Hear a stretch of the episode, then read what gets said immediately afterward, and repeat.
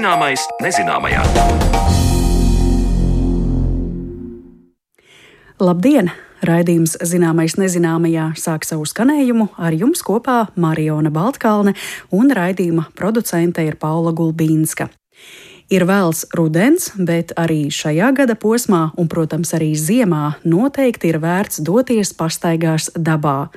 Šādās reizēs iespējams nonāksiet līdz kādai lielākai vai mazākai alai, ko gribēsies iepazīt tuvāk. Tiesa, šīs gada posms nebūtu tas, kurā aktīvi trokšņot alu iekšpusē, jo alās bieži vien ziemo sikspārņi, bet tas neliedz šos interesantos dabas veidojumus abrīnot no ārpuses aizdomāties, kā tie veidojušies, un ja kaut kas nav zināms, tad mēs šodien ceram viest skaidrību šajos jautājumos. Raidījuma otrajā daļā kopā ar ģeologu Daini Ozolu sarunāsimies par to, kas sekmē alu rašanos, kas tās bojā un cik dažādas ir Latvijas alas. Bet vēl alas mēdz pārsteigt ar neparastām lāstakām, bārkstīm, stabiem, tie ir stalaktīti un stalagmīti. Kā veidojies tie un kas ir karsta alas, par to turpmākajās minūtēs manas kolēģis Zanes Lācis Baltāksnes saruna ar Latvijas Universitātes Geogrāfijas un Zemes zinātņu fakultātes asociēto profesoru Girtu Stinkuli. Stalagnāti, stalagmīti, heliktīti, sodas salmi, popkorns, alu pērles, suņa zobi, mēnesis piens un vēl vairāki simti nosaukumu ir speleotēmām jeb ģeoloģiskiem veidojumiem alās. To forma un izskats ir atkarīgs no konkrētiem minerāliem, kā arī no vides. Turpmākajās minūtēs kopā ar Latvijas Universitātes Geogrāfijas un Zemes zinātņu fakultātes ģeoloģijas nodaļas asociēto profesoru Girtu Stinkuli iepazīsim dažus no šiem alu veidojumiem un uzzināsim, kā tie rodas. Sāksim ar tiem biežāk dzirdētajiem stalaktītiem, veidojumiem, kas izskatās pēc lastekām un atrodas pie alu griestiem. Tā tas pilnīgi pareizi ir. Tas ir tāds kā lāsteks, kas veidojas no griestiem uz leju, pilotu ūdenim būtībā. Un jūs pareizi teicāt, lāsteka arī ir stalaktīts pēc savas būtības. Uzreiz pa vēl diviem citiem terminiem, kas ir līdzīgi. Tas, kas veidojas uz grīdas pretī stalaktītam, tas ir stalagmīts. Parasti ir tā, ka ja tas ūdens tek diezgan stipri, tad stalaktīts ir maziņš, ja viņa vispār nav, bet stalagmīts tad ir liels. Ja tas ūdens tek tādā nu, relatīvi vidējā ātrumā, tad veidojas gan stalaktīts, gan stalagmīts, un tie aug kopā, veidojot tā saucamo stalagnātu, jeb gluži vienkārši kolonu. Ir interesanti tas, ka stalaktīti aug ļoti mazā ātrumā. Nu, teiksim, vidējais ātrums, kādā tie aug, ir 0,13 mm gadā, reizēm 3 mm gadā. Ir konstatēts, ka principā pēc ledāja atkāpšanās holocēnā vidēji šādi stalaktīti izaug līdz 1 metra garumam. Vai es pareizi esmu sapratusi, ka tie stalaktīti veidojas no ūdens, kondensāti, bet savukārt tie stalagmīti, jūs teicāt, arī no ūdens, kas pil lejā no alas griestiem, nevis izaug no minerāliem. Pareizi, jā. Mēs šo procesu varam salīdzināt ar to, ka, pieņemsim, pil ūdens krāns, un ūdens mums ir kaļķains. Ilgi, ilgi šādi pilotu ūdens krānam veidosies tāds eh, kaļķīšu satecējums apakšā zem tā krāna. Tad, lūk, šāds ir stalaktīts. Un tas stalagmīts eh, veidojas tieši šī paša procesa rezultātā, bet tur apakšā. Tātad, tur, kur tas ūdens nopilu uz ālas grīdas, tad tas aug pretī. Un uh, bieži vien tie savienojās, veidojot šo stalagnātu, tādu vienoto kolonu. Vēl arī skatot informācijas avotus, atradu tādus heliktīts. Tad lūkšu pastāstīt arī kristālisks izaugums, bet jāskaidrojums plašāks kāds būtu. Kopumā vispār jāteic, ka ir ap kādiem 300 dažādiem terminiem šiem te veidojumiem. Tas ir milzīgs daudzums. Daļa no tiem ir ļoti liela eksotika, un uh, katrā alā varbūt ir kāda sava specifika. Tad tas varbūt pavisam īsi. Pirmkārt, šos te alu veidojumus, jeb spēlējotējumus, var nodalīt kā pilienu veidojumus plūsmu veidojumus un alu kristālus. Jūsu minētais termins, tātad heliktīti, tie ir tādi kā dažādos virzienos vērsti mazi stalaktītiņi. Tā kā tādas nu, zināms hauss ir šajā ziņā. Ja stalaktīts ir smuki uz leju, tad tur viss visādos virzienos. Un izrādās, ka tie rodas tad, kad tas ūdens e, izsūkšanās ātrums no tās alas sienas ir lēns. Un tad e, kaut kā tie neveidojas regulāri vienā virzienā, bet nu, tādā diezgan hausiņā. Savukārt, ja tas process ir ļoti regulārs un pastāvīgs, un tie veidojumi nesastāv no kalcija karbonāta kā parasti, bet no sodas, tad veidojas tā sauktie sodas salmi, kas ir vareni gari stalaktīti un regulāri. Tādu, piemēram, vēl var nosaukt arī lustras, dabiskās lustras, kas ir tādi milzīgi šādi stalaktīti un tam līdzīgi veidojumi uz alas griestiem. Vesels komplekss izveidojās, tiešām atgādina krāšņu lustru. Uz grīdas var veidoties alu pērles, kad šis ūdens plūsmas ātrums ir pārāk liels, lai veidotos stalaktīti vai stalagmīti, tad tekošajā ūdenī veidojas tādi bumbulīši. Arī no kalcija karbonāta tie visu laiku rotē, tiek dabiski nopulēti un ļoti skaisti. Tik tiešām atgādina pērles. Ir alu popkorns. Ja ūdens lēnām sūcas caur kaļķekmeņa porām, tad uh, izveidojas tik tiešām popkornam līdzīgi tādi kā bumbuļi.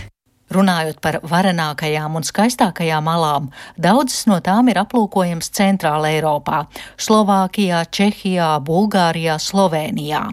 Tomēr sarunas turpinājumā Girts Stinkuls teica, ka visā pasaulē ir sastopamas iespaidīgas salas un to veidojumi bet iesākumā stāsts par minētajām Centrāla Eiropas salām. Tas ir karsta āla skaļķekmeņos, kas ir arī pasaules tipiskākās ālas, varētu tā teikt, un arī pasaules lielākās ālas, arī rekordi šajos te kaļķekmeņos, tiem izšķīstot karsta procesa rezultātā. Šeit arī terminoloģija ir no Slovēnijas, jā, vārdiņš karsts ir cēlies no turienes, tur tie tipiskie apgabali viss ir, un uh, tad nosaukumi tiešām ir no turienes. Bet jāatzīst, ka pasaules lielākās ālas tomēr ir meklējams Ziemeļamerikā un Centrālā Amerikā. Tur gan ir divi iemesli. Ir eh, tādi ieži, kas ir pakļauti karsta procesam, tātad dažādu vecumu kaitēkmeņi, un vēl ir ļoti prozaisks iemesls. Cilvēki ļoti interesējas par alām, un daudz speleologi tur ir tādēļ alas ir labi izpētītas. Te nedaudz laikam tāds sāņsols jāspēr un jāpaskaidro par karsta alām. Man šķiet, ka ģirt arī jūs stāstījāt šajā raidījuma ciklā mēs runājam par karsta kritenēm, kas ir tāds piltuma veida iegrimes, un Latvijā tās ir mums skaistkalnē tās zināmākās, jā, bet tās nav alas, tās ir iegrimes zemē, jā, bet tad karsta alas Tas ir ieži, kas ir izšķīduši. Jā, karsta process pēc būtības ir iežu šķīšana pazemes ūdeņa iedarbībā.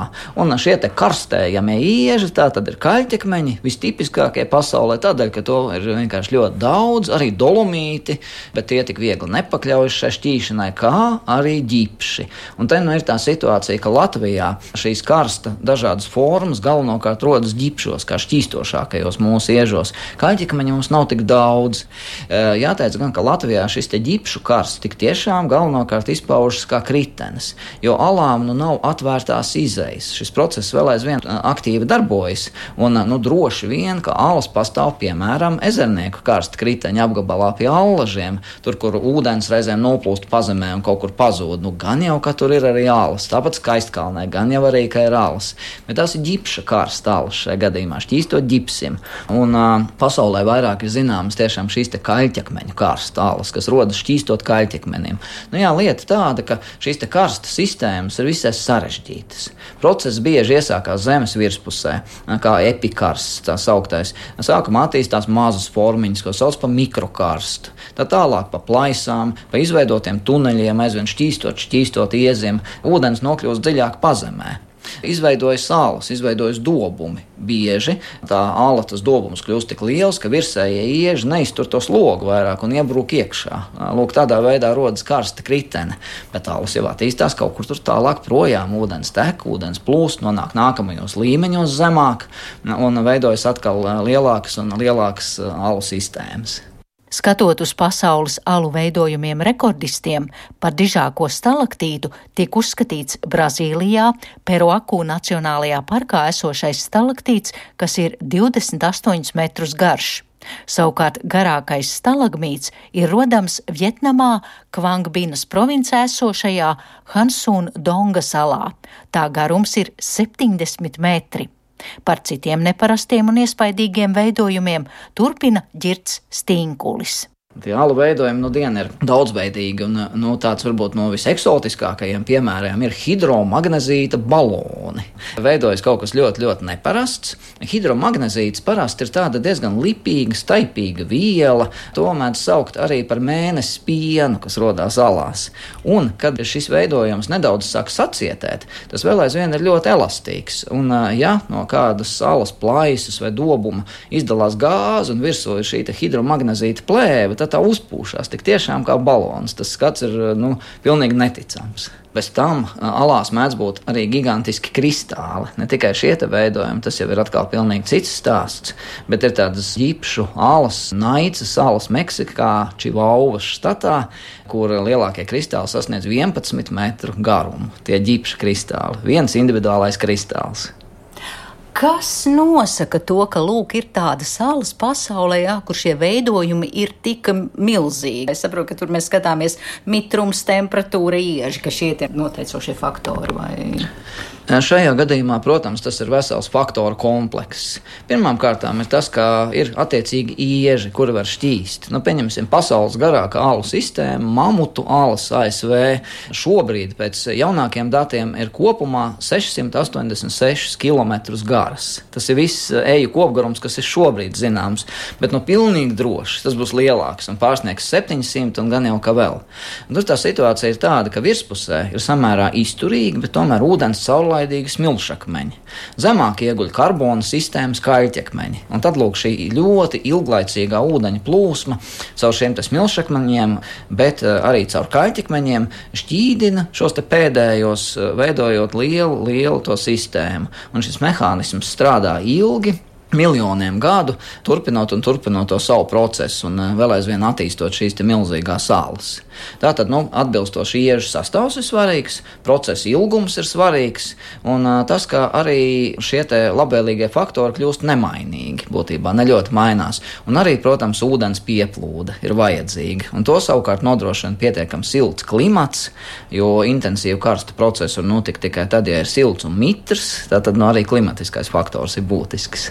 Bet alās tā temperatūra ir, nu, es, es nezinu, kā kurā alā, nu, kaut kādi plus 3, plus 4, tā temperatūra ir konstanta. Jā, tas gan alās parasti šī te temperatūra, nu, to bieži salīdzina ar pazemes ūdeņu vidējo temperatūru šajā reģionā. Nu, Latvijā tas arī varētu būt kaut kur starp 6 un 8 grādiem plusā.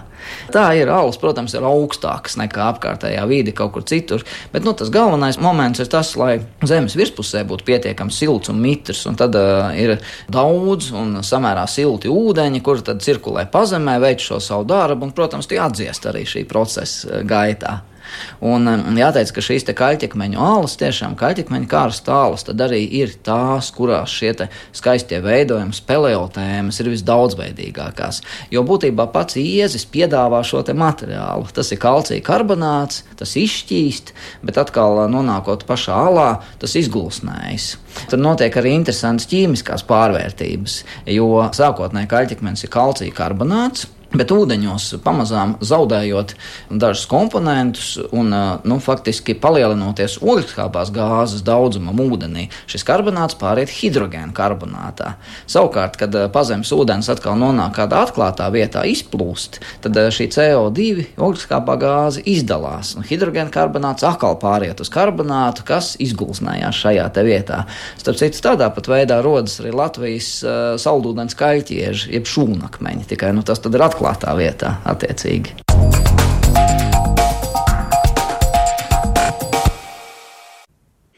Stalaktītu, stalagmītu un karsta alu veidošanos skaidroja Girts Stinkulis, un šo materiālu veidoja Zane Lāce Baltāksne. Arī raidījuma otrajā pusstundā mēs turpināsim plašāk iepazīt alas un to nozīmi dabā, un tas viss jau pēc brīža.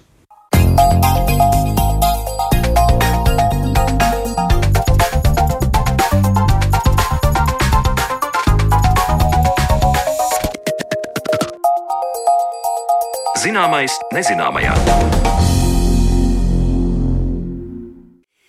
Alas pilnīgi noteikti ir vilinoši dabas veidojumi. Nevelti dažas no Latvijas iecienītākajām turistu takām vies tieši gar alām. Garas un šauras, dziļas un platas, jūras krastā un mežu biezoknī. Tik dažādas mēdz būt alas, ar kurām ir bagāta arī Latvija. Turpmākajās minūtēs iepazīsim alu sistēmas Latvijā, un uz sarunu esam aicinājuši dabas aizsardzības pārvaldes ekspertu, ģeologu Daini Ozolu. Labdien, Daini! Labdien! Es sākšu ar mūsu raidījumam zināmais nezināmajā tādu piedienīgu jautājumu par to, ko un cik mēs zinām uz droši vien vēl daudz un nezināmo alu fona. Tātad, cik mums šobrīd Latvijā ir zināmo alu? Nu, zināmo alu, ja mēs par alām uzskatām dabīgus veidojumus, tad tādu ir apmēram 250 pirmkārt jānoskaidro vispār, kas tiek saukts par alu. Jā. Jā, tātad par alu gan Latvijā, gan arī nu, virknē citu Eiropas valstu tiek uzskatīts tāds pazemes tukšums, kurā var ielīst vismaz 3 metru dziļumā. Nu, lai būtu ala, tad tai ieejas daļai ir jābūt šaurākai nekā tas salas kopējais garums.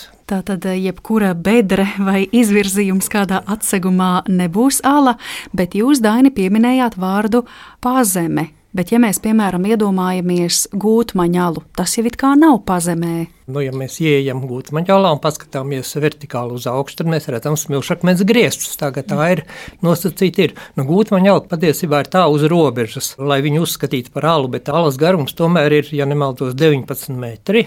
Savukārt, ieejas platums ir, ir mazāks, arī kaut kādi 11 metri, bet mazāks. Ja? Tā, ka, nu, tā tomēr ir. Ja ieeja būtu vēl pa metriem, pieciem vai desmit platāka, tad varētu teikt, ka gūtmaņāla ir tāda milzīga niša. Bet nu, tās visas cilvēki izdomātas konstrukcijas, jo dabā jau nepastāv nekādas robežas. Dabā ir pakāpenisks pārējais no nelielām iedobēm, no nišām uz alām un uz dziļām alām. Un vienkārši cilvēks savai ērtībai to visu ir kaut kā sakrāmējis pa plauktiņiem. Visai bagātīga izklausās mums Latvijā ar alām, ja vairāk nekā 200.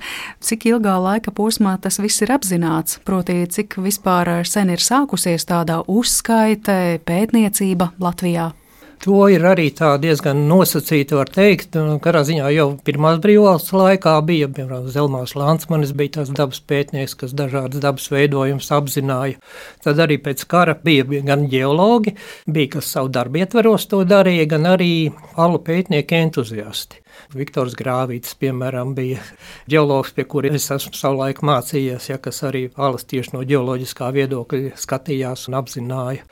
Tad, protams, jau padomju laikā sākās arī tā aktīvā tāda pašdarbības kustība, kas pasaulē arī ļoti izplatīta, ko apzīmē ar kevingu vai spelungingu vai kaut kādiem citiem nosaukumiem. Latvijā nav nu, tie amatieri alu pētnieki, ja, kas praktiski visu savu brīvo laiku pavada meklējot alas, lienot alās. Tur ir Guntis Seniņš ar savu dabas retumkrātu, protams, pirmais, kas pieminams jau no padomju gadiem. Un Tagad kā tādus aktīvākus pētniekus var minēt Ansi Opmani, Andri Grīmbergu, ja, kas arī iet un pētālas. Savukārt ģeologi bija 80. gadu sākums, 70. gadu beigas, tad bija tāds apkopojums par Latvijas ģeoloģiskajām tādām interesantajām vietām, ģeovietām, tā skaitā ālām. Un tad 15. gadā noslēdzās, ja nemaldos, dabas aizsardzības pārvalde pasūtīja Latvijas universitātei pētījumu arī par dažādiem ģeoloģiskiem veidojumiem, tā skaitā alām, un tad arī cilvēki brauc un pētīja alas, un arī Latvijas petroglifu centrs tur bija iesaistīts. Ja. Un tad pavisam tāds punkts uz īņa ir jāpiemina dabas skaitīšana, kas ir noslēgusies burtiski nu pat, un kuras gaitā tika apsekotas, teiksim, schematiski uzmērītas un no, aizpildīta anketa katrai ālai. Tas gan tika darīts ne no geoloģijas skatu punkta, bet no dzīvās dabas, no biotopu skatu punkta. Bet, nu, katrā ziņā pirmo reizi ir tā, ka visas salas ir iegrāmatotas un arī pieejamas sabiedrībai. Mēs runājam par dabas skaitīšanu, kas noslēdzās, noslēdzās šopavasar, jā, jā, mm. Viņi sākās 17. gadā un noslēdzās šopavasar, tā ka tur kaut kādus sešus gadus viss aktīvi notika.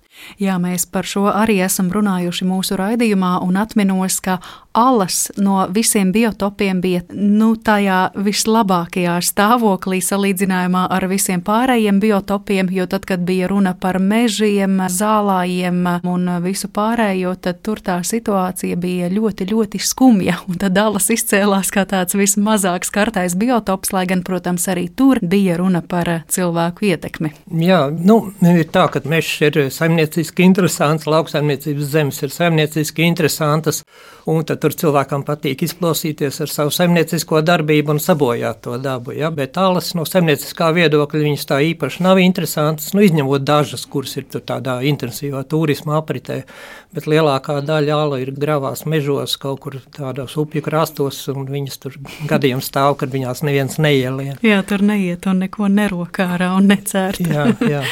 Jā, tātad precizēšu, ka mēs arī šajā sarunā vairāk stāstām par tām alām, kas radušās dabas procesu rezultātā, ne tām, kuras izveidojuši cilvēki. Piemēram, tādas būtu riežupes, smilšu alas, skuldīgas pusē.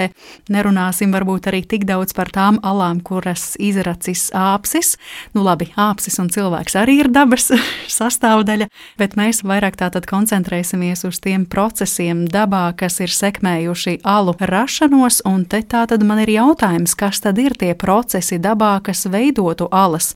Pirmais uzreiz nāktu prātā, ka tur ir stāsts par kaut kādu izskalošanu, ūdeņi. Jā, jā, tie ir ūdeņi.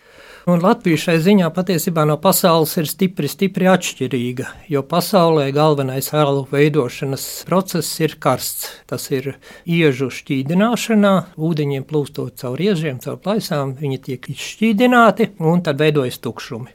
Latvijā karsta alu nav.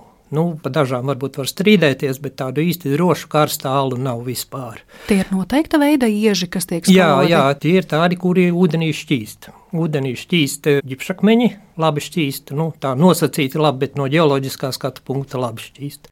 Un šķīst kaļķakmeņu dolomīti, karbonātieši, labi šķīst. Mm. Bet Latvijā šie ieži zemes tādā virskārtā varbūt ir diezgan maz izplatīti salīdzinoši, bet otrs ļoti būtiskais aspekts, kāpēc Latvijā nav karsta ālu, ka Latvijai pāri ir gājis ledājs šļūdonis.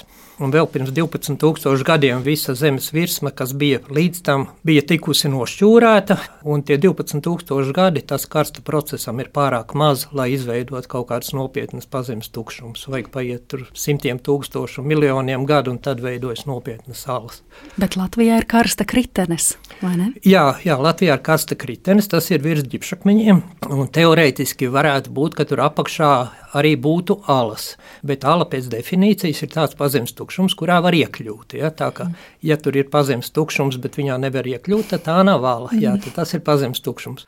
Un tās kritenes ir tādās līdzenās teritorijās, zemienēs, un praktiski gruntsūdens līmeņi, pazemes ūdeņa līmeņi tur ir augsti, un tie pazemes tukšumi visi ir pildīti ar ūdeni. Protams, tas nenozīmē, ka tā nav ala. Ja ir ala pildīta ar ūdeni, tad viņā var ieniet ar akvalangu un izpētīt. To dara pasaulē ļoti daudz bet uh, nav pieejami šie pazemes tukšumi. Mm. Lietuvā līdzīgā situācijā tur ir kaut kādas pāris salas pieejamas, un tā skaitā arī pildītas ar ūdeni, kurās ienirst, bet Latvijā nu nav. Mm. Tātad, ja mums Latvijā nav karsta alu, mēs atgriežamies pie tā, ka mūsu alu galvenais veidotājs ir ūdens, kas kaut kā ir izskalojis tos iežus. Jā, jā, ūdens ir arī karsta gadījumā, bet mūsu gadījumā tā ūdens darbība ir mehāniska. Mehāniska erozija, izskalošana. Bieži vien piemin tādu procesu kā sufozija. Sufozija tā ir tāds ļoti lēns, lamināra ūdens plūsma, kas lēni nes sīkākos graudiņus, iznes no rupjāko graudiņu starpām, un tad tas materiāls paliek nestabils, sākās tāds kā sabrukums neliels un veidojas sīki mazi pazemes tukšumiņi. Un tad šis sufozijas process jau var pavērt ceļu jau erozijai. Un erozija tas jau ir, kad ir tekoša traume, turbulenta traume, nevis lamināra, kas izskalo mehāniski, tur sagrāb smilšu graudiņus, viņus nes uz priekšu, daudz vienu pret otru, daudz pret alas sienām, un var sakot, tīri tāda mehāniska traume, kas veido alas. Nu, tas arī acīm redzot, ir Latvijā galvenais salu veidotājs, vismaz lielākās, garākās salas. Ir arī citi procesi, tā skaitā tas pats ūdens.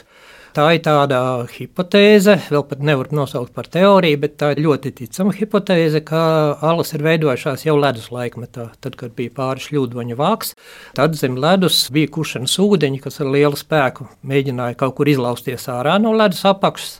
Un viņi, protams, filtrējās cauri hirdenējiem smilšakmeņiem. Un filtrējoties, bija spēcīga šī pazemes ūdeņa plūsma, un viņi arī varēja nest šos smilšu graudus, paplašināt ejas. Tā kā ir daudz salas, kuras ir kaut kur senleju nogāzēs, kur nav nekāda avotu tūmā, un tās varētu domāt, ka vēl no ledus laikmeta. Tad, kad mēs runājam par alām, tad mēs pamatā tās saistām ar pazemes ūdeņiem, ka tie ir ietekmējuši alu veidošanos, kā ar lietus ūdeņiem, vai tiem arī ir nozīme? Nu, lietus ūdeņiem ir nozīme tādā veidā, ka lietus ūdens, kurš nonāk uz zemes virsmas, lielākajā daļā gadījumu viņš pamazām kļūst par pazemes mm. ūdeni. Viņš sūcās iekšā, nokļūst līdz ūdens nesējas slānim, un tad sāk meklēt ceļu mazākā spiediena virzienā. Tās parasti ir kaut kāda stāva nogāze, kāds upju krasts vai kaut kāda cita nogāze.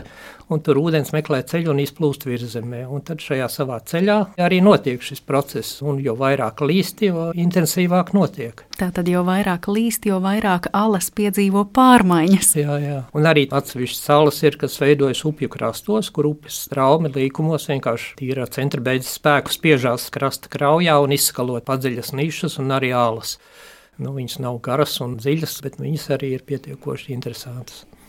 Turpinot jautājumu sēriju par to, cik un kas mums ir zināms saistībā ar alām, jautāšu, vai mums Latvijā ir zināmas senākās alas un ko tajās var redzēt, ja vien tās nav pamatīgi jau sabojātas ar kādiem gravējumiem. Nu, daudzas ir veidošanās procesā, jā, protams, bet nu, vairums var teikt, ka ir senas. No ģeoloģijas viedokļa senākā ala varētu būt bruņāla, kas ir amatas krastos, kas ir vēl no tā laika, kad šļūdonis virzījās pāri pa zemes virsmu, un tad bežoties pret zemes virskārtu, viņš tā kā parāva līdz šo dolomīta virskārtu. Un tur ir interesanti, pie amats ir tā saucamā dolomītu krauja, kur ir ļoti labi redzams tāds uzbīdījums. Viens dolomīta slānis ir bīdījies virsū otram dolomīta slānim, tā slīpi uzbīdījies. Un tad, ja pasakot pa šo krastu amats leiteces virzienā, ziemeļvirzienā, tad var nonākt pie bruņa ālas. Tātad vienā vietā šis dolomīta virsējais slānis ir uzbīdījies virsū citam dolomīta slānim, bet citā vietā viņš ir pārtrūcis un ir palikusi kaut kāda 40 cm plata sprauga, ieplēsta, vienkārši ledā ieplēsta. Tāda ļoti interesanta liņa. Vai šis jautājums par senākajām alām un vispār jautājums par to, cik senas ir alas, ir daļa no tā, ar ko nodarbojas alu pētnieki jeb speleologi? Nu, tā tam it kā vajadzētu būt, bet patiesībā Latvijā, nu, es teiktu, zinātnisku pētījumu par alām nav. Nē, nu, vēsturiski kāds kādreiz bijis, kāds students ir rakstījis savu darbu, droši vien, bet, nu, ne doktora darba līmenī, manuprāt, kaut kur maģistra bakalaura darba līmenī ir kaut kāda pētījuma par alām, bet, eh, nu, Latvijā jau ģeologus var gan arī uz rokas pirkstiem izskaitīt, ja, kas pēta kaut ko, ja, nu, praktiski universitāte ir palikusi. Tagad gan ir šis um, ģeoloģisko procesu pētījumu centrs. Tagad kaut kas jauns, jauna vēsma pēdējos gados ir, jā, bet ja jau ģeologi ir tik maz, tad par speleologiem, kas tā kā ģeoloģijas tāda maza sīka apakšnozara, nu nav ko runāt vispār. Pārsvarā pēta šie, kā es teicu, šie keiveri, šie spelungeri, kas ir šie entuziasti, kas pietiekoši daudz ko zina un kas izlien visu un izpēta. Tā kā tie ir tie galvenie pētnieki šobrīd. Bet eh, ko īsti nozīmē speleoloģija? Proti, ko tas nozīmētu pētīt alas? Tas tieši tiešām arī nozīmētu noteikti alu vecumu, vēl kaut ko. Jā, nu, speleoloģija atkal dalās apakšnodarbēs. Ja, nu, teiksim, speleoloģija no tāda geoloģiskā skatu punkta, tas būtu tiešām pētīt alu vecumu, nu, kā pasaulē notiek. Piemēram, ņem no stalaktītiem paraugus un tur pēc izotopiem nosaka, var izsacināt, cik sena tā ala ir veidojusies. Arī alu nogulumos tur, teiksim, ņem paraugus, veic uzmanīgi kaut kādas pētniecības rakumus, kaut kādas roces tādas, tad paraugo Un tad pirmkārt sporu putekšņu analīze tā var pateikt, cik tur atrod kaut kādus uh, noteiktus sastāvu putekšņus. Tad var zināt, kādā laikā šāda sastāva augājs ir ārpusē bijis, tad, tad arī tas nogulums, cik sen ir veidojies. Tādi pētījumi var būt.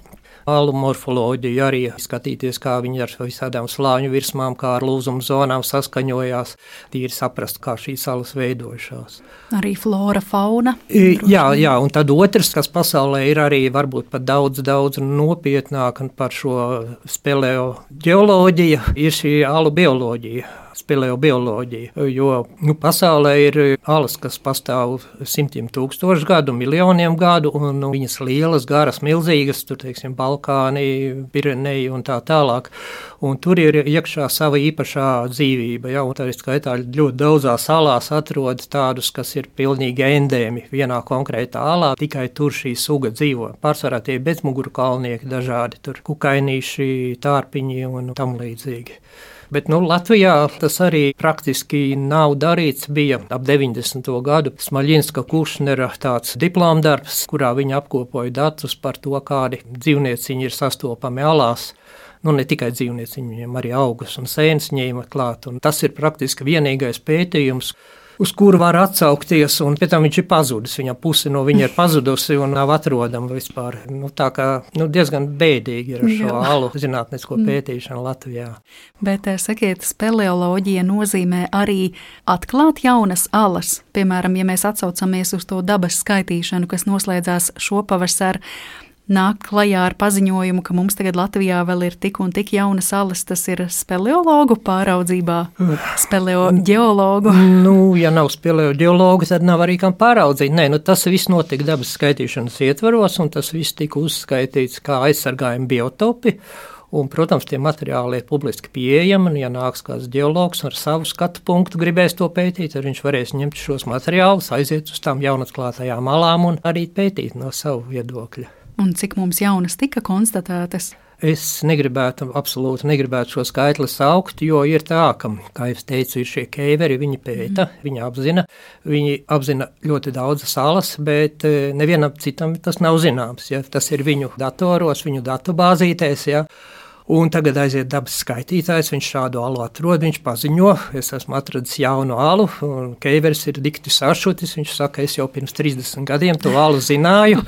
nu, var sakot, tur ir ļoti slidens jautājums. Nē, ir, ir dažas alas, kuras ir tiešām no jauna izveidojušās. Piemēram, bija caurā ala masalās zvezdalīga klintīs, ja, kur nebija, kur vienkārši nebija. Bija tā klints apsekot, tur bija tāda maza plaisa sala, cik tur kaut kādi septiņi metri bet tā ala vienkārši izveidojās burtiski kaut kādos pēdējos gados, un tā tika atrasta dabas skaitīšanas ietvaros. Mm -hmm.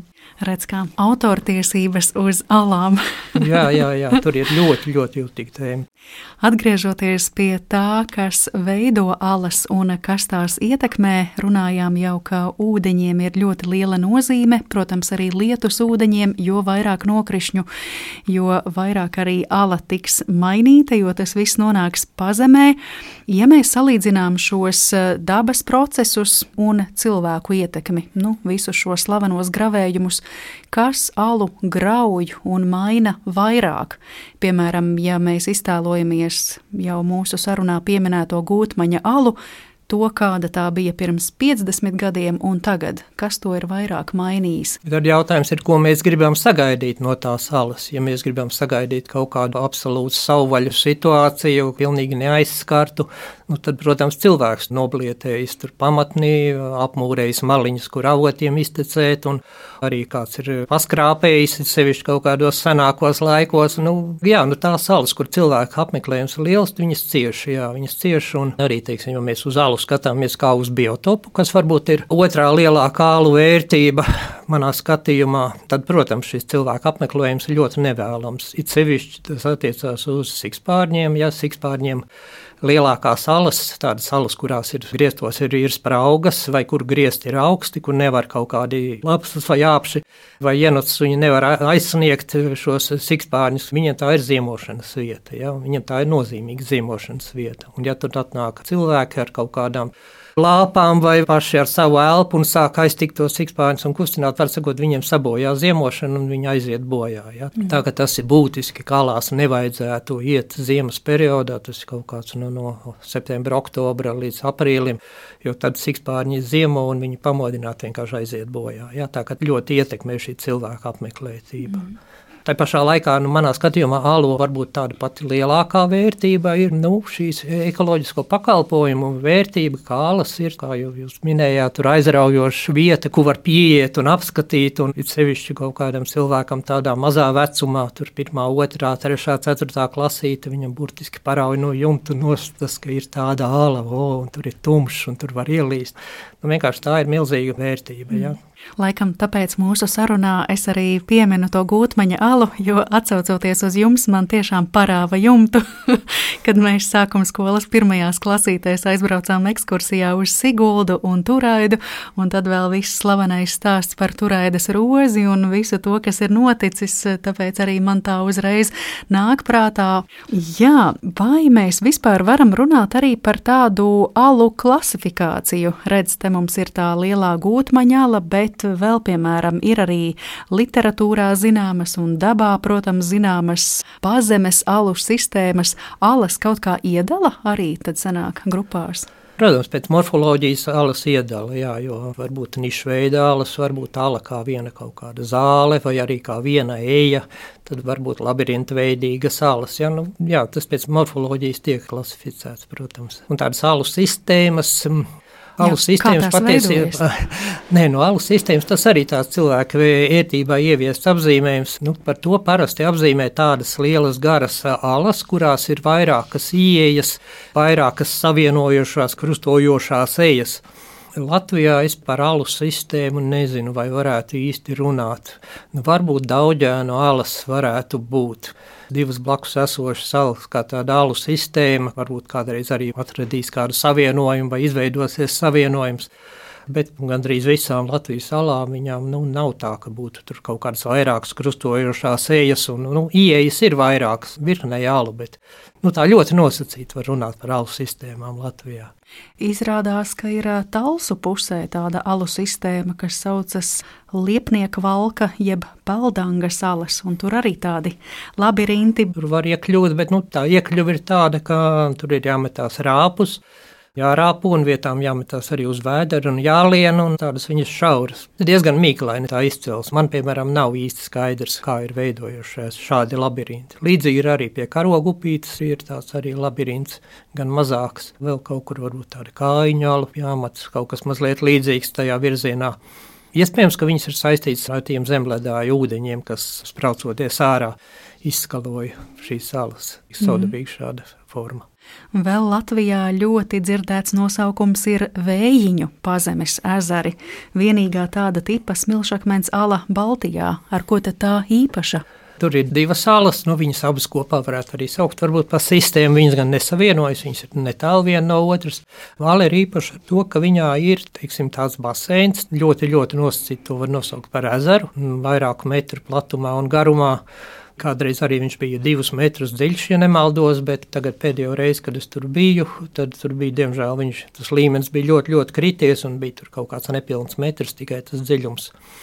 Un tieši ar šo pazemes lielo baseinu, kas tur ir kaut kāds slapjums vai kaut kāds ūdens tecis, ir diezgan daudzās salās, bet tāds izteikts ezers, nu, tas tāds retums. Man liekas, ka pētīt alas vai vispār tās apmeklēt varētu būt arī diezgan bīstami. Ne visās droši vien ir ieteicams cilvēkiem doties iekšā, vai ne? Jā, jā, jā, jā tas ir ļoti tā būtiski, jo tur vienmēr ir jāpaskatās, vai tur nav svaigi nogrūmi kaut kur redzami, ejot iekšā alā.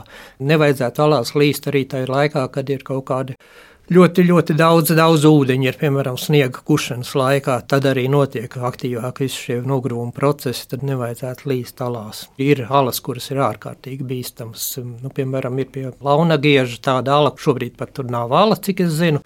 Viņa ir aizgrūvusi, bet tad, kad tur nācās būt pirms kaut kādiem dažiem gadiem, Tad ielienot bija redzams, ka tur viss tā iekšiene ir pilna ar tādiem nobrukumu blāķiem un ar irdenām nobirām kas burtiski tur dzirdami slīdēja uz leju. Man sakot, tādi ļoti irdeni šie smilšakmeni cieši un tur strauc tek un visu laiku tur kaut ko izskalo un, un teiksim, dabas skaitīšanas ietvaros tur pētnieki arī ir uzmērījuši to alu, bet, nu, es domāju, ka to varēja arī nedarīt, jo tas, nu, pārāk bīstam tur ir. Jā, nu viena lieta ir šī geoloģiskā bīstamība, otra lieta, ka šķiet cilvēkiem alas vispār liekas tādas noslēpumainas, biedējošas, kas varētu būt saistīts ar dažādiem rituāliem, kas pagātnē arī ir veikti alās. Mums arī Latvijā ir upuralas, ir lībiešu upurala, tā tad jau nosaukumā parādās, ka tas ir bijis saistīts ar kādiem rituāliem. Kāda jums pašam rodas sajūta pētot alas? Vai arī ir tāda biedējoša sajūta? Jā, protams, alas ir alas. Ir šīs upura alas, ir, kur bija arī šeit svētups lībiešu upura alās. Tur ir Jurta Urtāna vadībā savulaik veikti izrakumi jau sen, arī 80. gadi vai pat 70. gadi, kur tiešām tika atrasti ziedojumi ļoti daudz, tā ka tas nav tāds izdomāts, tas tiešām ir reāli fakti. Nē, nu, es teiksim, cilvēks materiālistisku pasaules uzskatu, es saprotu, ka nu, nav nekā bīstama. Vienkārši ir reāli jānovērtē situācija, un varbūt tās lielākās bažas lienot tālās ir tā, ka, ja nu tur pēkšņi ir kaut kāds ālu dzīvnieciņš, kurš man lienot tagad alā sajutīsies sprukās, un tad viņš varbūt kaut kādas tur agresīvas darbības var veikt pret mani, nu, kaut kādi vai bebri, vai āpši, vai ienosuņi, vai lapsas. Nu, ir kādreiz arī dzirdēts, ka lienot tālāk, ka tur dziļumā kāds skrabina nogalinās kaut kur un tad labāk doties projām un atnākt citurreiz. Man liekas, ka šis tieši motīvs ir pēc tam daudzkārt apspēlēts dažādās filmās, ka no alas dzīvēm iznāk kāds biedējošs dzīvnieks, bet tam ir arī zināma patiesība. Jā, Jā un vēl jau arī senatnē tāpat cilvēki arī paši alās mēdza slēpties no plēsīgiem dzīvniekiem. Jā, jā, un es patiesībā brīnos, ka Latvijā nav varbūt tik daudz izraksta salas, cilvēku izraksta. Nē, nu ir līga Ligatnes pagrabi slavenie, ir riežupas smilšalas, kur ir iegūts smilts, bet ka nu nav tik ļoti daudz ālas rakuši cilvēku kaut kādām vajadzībām, lai paši tur slēptos un dzīvotu. Nu, ir, protams, šīs slēpņu alas, kas tur Gaujas Nacionālajā parkā ir šur un tur sastopamas pa gravām tādas nelielas alas, kur cilvēki vienkārši kara laikā, kad bija jābēg kaut kur un jāpaslēpjas, tur ir gan izrakuši, gan slēpušies. Bet, nu, it kā šīs irdenais smilšakmenis, viņš tā kā pieļautu daudz lielākus šos rakšanas apjomus, mm. bet nu, kaut kā nav bijis laikam tas tā modē. Jā, mums noteikti dominē tās dabiskās alas, kuras jūs nosauktu kā interesantākās alas. Ticu, ka varbūt tas ir arī grūts uzdevums, zinot, ka to alu Latvijā tomēr mums ir gana daudz, bet varbūt jums ir kādi savi favorīti. Nu, varbūt interesantākās tiešām ir tās bīstamākās, kur notiek tie geoloģiskie procesi, un tad var tiešām novērot un saprast, kā šī alu veidošanās notiek. Un tās noteikti ir tās lielākās salas, tās pašas Daudzēnu alas. Kurā pusē tas sanāk? Mm, Daudzēnu alas ir pie salacas, Masalacas, Latvijā garākās salas. Nu, protams, ir interesantas arī tādas, kurās ir, nu, labi, varbūt nesaukšu vārdā, kurās mitinās sīkspārņi, kur ir lieli šie dolomīta nobrukumi. Jā, neteikšu, kā viņas sauc, lai cilvēki neiet un nebaidītu sīkspārņus. Nu, jā, nu, arī kurzemes pusē ir interesants, tur ir saudabīgi ieži, tur ir tādi cieti, kalcīti, cementēti smilšakmeņi, un tajās veidojas arī tādas saudabīgas salas. Lēpenieku ala, piemēram, ir netālu no skrūnas, Ventas senlējas malā tā ir tāda, nu, man vismaz šķiet interesanta. Nu, tas arī no kāda viedokļa skatās. Jā, vai tas ir eh, lielums vai tā daudzveidība, Nu, man kā tāda intriga joprojām ir vējiņu pazemes ezeri, tik cik ir lasīts, ka tur vajag ar tādiem kārtīgiem gumijniekiem apbruņoties ar pacietību, tādu apskatīt, bet vienlaikus man arī tas liekas ļoti bīstami. Nē, nu tur vējiņu ezerā viņai jau ir pilnībā turisma apritē, ja, tā ka tur ir vietējie saimnieki, un ja jūs tur iesiet bez atļaujas, tas tiks ņemts ļaunā. Tur es zinu, ka kaut kad filmēja kaut kādu sižetu, un tad mums nācās gaidīt ilgāku laiku, jo tur brauc autobuss pēc autobusa un nāca ekskursija pēc ekskursijas, un viņi ir tādā milzīgā turisma apritē šīs vējaņalas. Un tur tie saimnieki arī iedos jums visu gumijas zābakus un nezinu, mm. ko vēl, un ievedīs jūs un, un iekasēs. Pašdarbība nav pieļaujama. Jā. Bet tad sanāk, ka ir arī tādi dabas pieminekļi, kuru atrašanās vietu un nosaukumus jūs nemaz nevarat minēt, lai vienkārši pasargātu alu no lieliem cilvēku pūļiem un cilvēku iedarbības. Nu, jā, tas varbūt pat mazāk ir pašu alu dēļ, bet ir dēļ tiem dzīvniekiem vai dēļ tiem augiem, kas aug galās. Piemēram, ir tāda alus pulksūna, ja, kas aug nu, arī kaut kādās pārdesmit alās. Varbūt Latvijā aug reta suga, tad to labāk ir neizpaust, jo cilvēki vienkārši sagribēs tur viņu skrāpēt un apskatīt un aiztikt. Un, vai nu tie paši sikspārni to dēļ arī labāk ir neminēt. Daini, liels paldies jums par šo sarunu. Tā kā tagad ir novembris un tuvojas gada tumšais laiks, tas jau ir iestājies un tumsa tikai pieņemsies spēkā, vai tagad ziema tad būtu īstais laiks, kad doties skatīt alas? Tomēr sikspārņi tur meklēs patvērumu. Nu, droši vien, ka nē. Tagad ir īstais laiks, kad ir lētas avio biļetes, var braukt un skatīt lielās pasaules salas, kas ir nu, ļoti, ļoti interesantas, un viņas ir aprīkotas apdzīvotas, teiksim, milzīgā skaitā. Pirenei, Tatri, Alpi, viss ir pieejams un apskatāms. Un tad, kad daba modīsies Latvijā, tad atkal laipni aicināti uz alām. Jā, jā. Šajā sarunā tikai vēlreiz varam pārliecināties, ka mums vēl ir daudz nezināmā, zināmajā. Līdz ar to pētniekiem, tik cik nu mums to Latvijā ir, vēl gana daudz darba un atklājumu priekšā. Bet šodien par sarunu es saku paldies dabas aizsardzības pārvaldes ekspertam, geologam Dainim Ozolam. Un mūsu raidījums, kas šodien bija veltīts dažādiem geoloģiskiem jautājumiem, līdz ar to arī izskan. Par šo raidījumu gādāja Paula Gulbīnska, Reinis Budze, Girts Bišs, un pie mikrofona bija Mariona Baltkalne. Lai jums patīkams dienas turpinājums, paldies par pievienošanos šajā stundā un uz drīzu sadzirdēšanos. Visu labu!